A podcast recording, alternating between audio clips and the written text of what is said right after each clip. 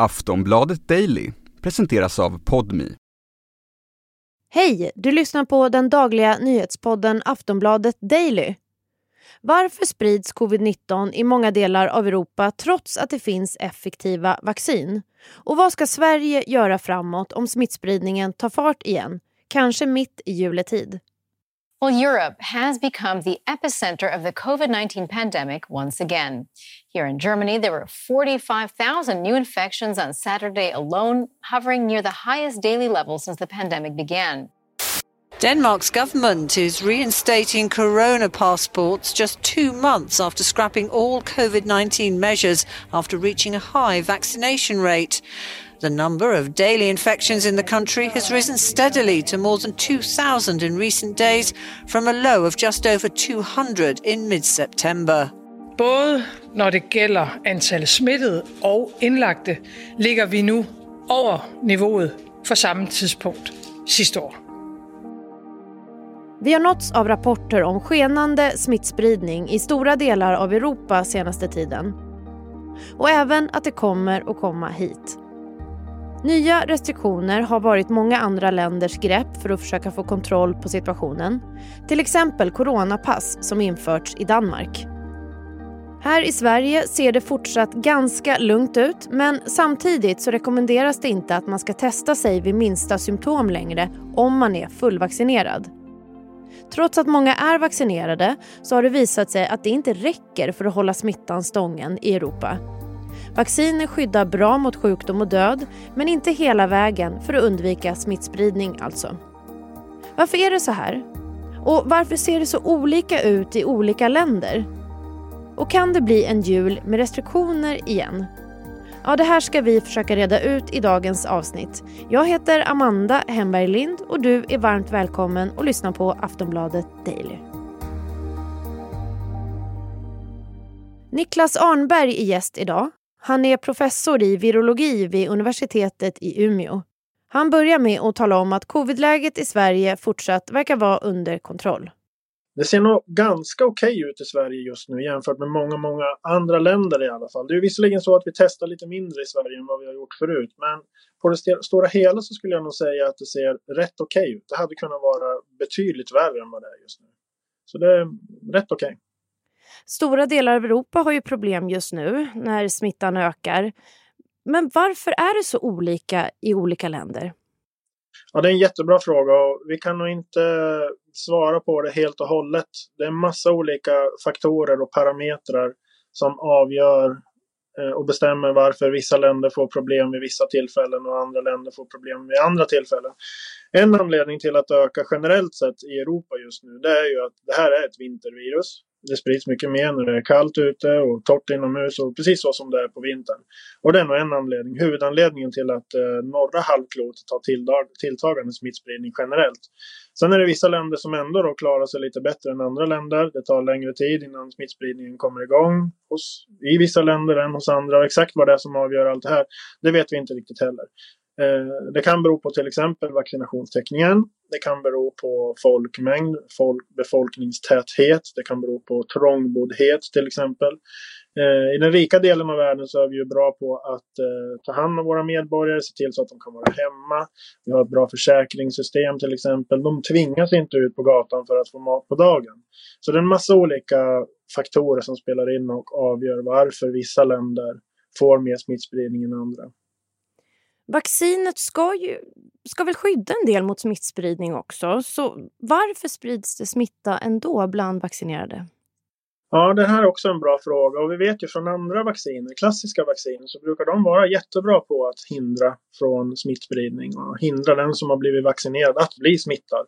Men vi lär oss mer och mer om den här nya typen av vacciner som bygger på lite ny teknik och då är det tyvärr så att de skyddar inte lika bra mot smitta eller smittspridning som klassiska vacciner gör.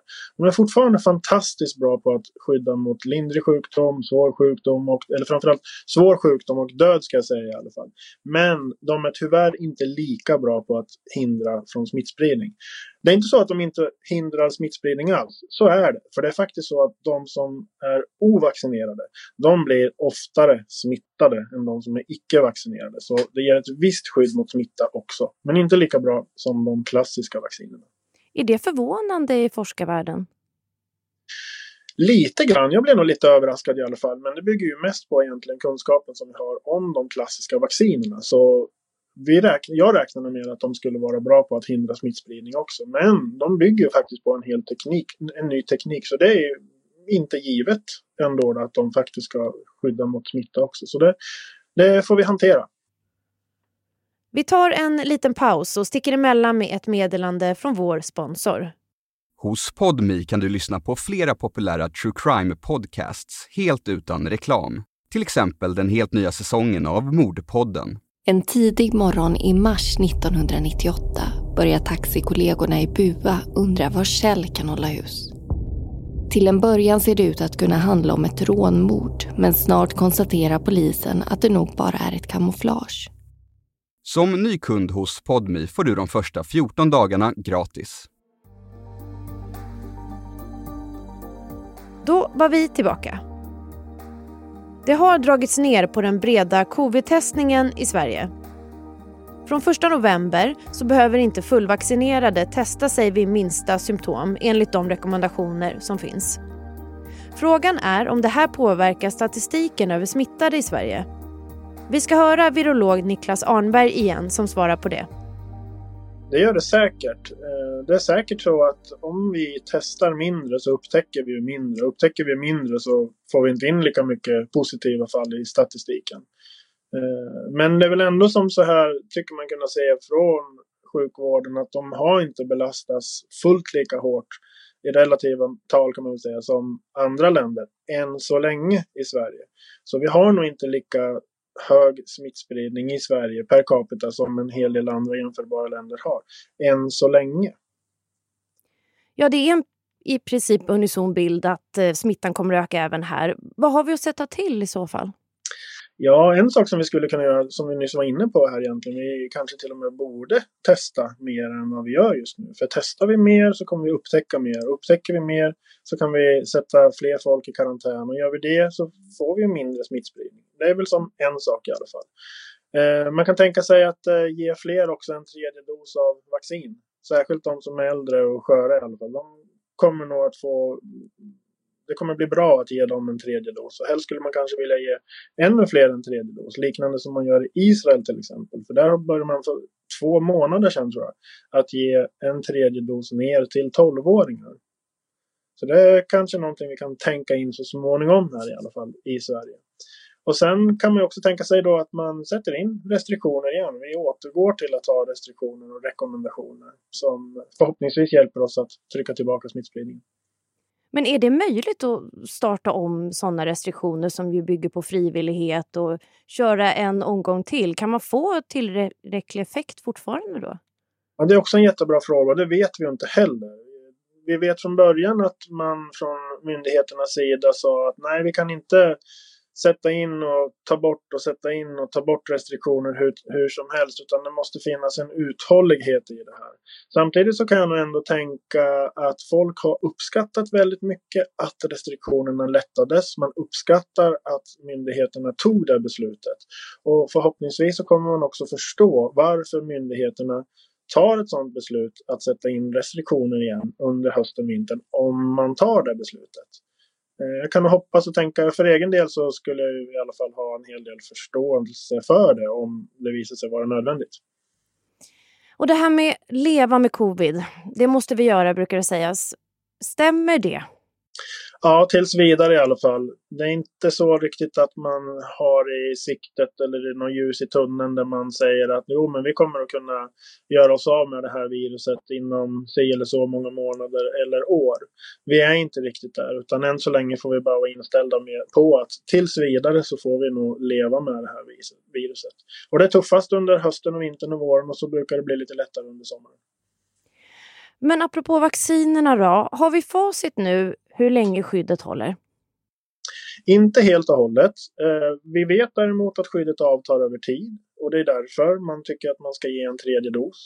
Eh, det här varierar också väldigt mycket från person till person så det är jättesvårt att veta exakt när man har tappat så mycket skydd så att man måste ta en ny dos. Det går nog inte att säga det egentligen. Så det är därför man rekommenderar att efter fem månader eller sex månader så kan man ta en tredje dos. Och så börjar man återigen då uppifrån bland de äldsta så att säga. Så kliver man neråt i åldrarna så småningom.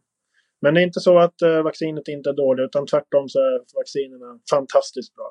Jag vågar inte ens tänka tanken vad som skulle hänt och vart vi skulle vara om vi inte hade haft vaccinerna just nu. Men vågar man umgås med äldre då som inte har fått en tredje dos? Ja, skulle jag säga. I alla fall i nuläget. För så länge vi har förhållandevis lite smittspridning i samhället så kan man nog göra det. Och för, såklart då, givet också att vi själva är friska och eh, inte symptomatiska. Är vi sjuka, då ska man inte träffa någon egentligen. Då ska man helst vara hemma och se till så att man kurerar sig och blir av med infektionen som man har. Hur kommer vi vaccineras då mot covid i framtiden?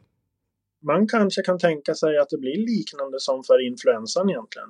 Där tar vi ju en influensaspruta, ja den här tiden på året börjar man ge det egentligen. Och särskilt då till äldre och sköra egentligen. Och det kan nog bli något liknande kanske för covid så småningom också. Men om vi ska ge det till hela befolkningen på hösten, vintern eller bara de som är äldre och sårbara. Lite grann liknande som det är för influensa. Det återstår att se. Vad är det som kommer att avgöra det då?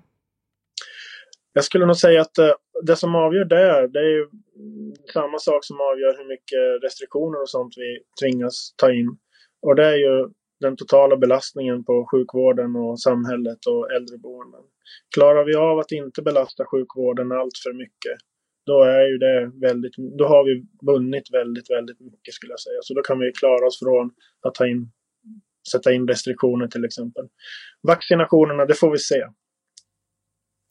Men det är ju juletider snart. Mm. Eh, blir det en, en vanlig jul eller kan det bli restriktioner? Vad tror du?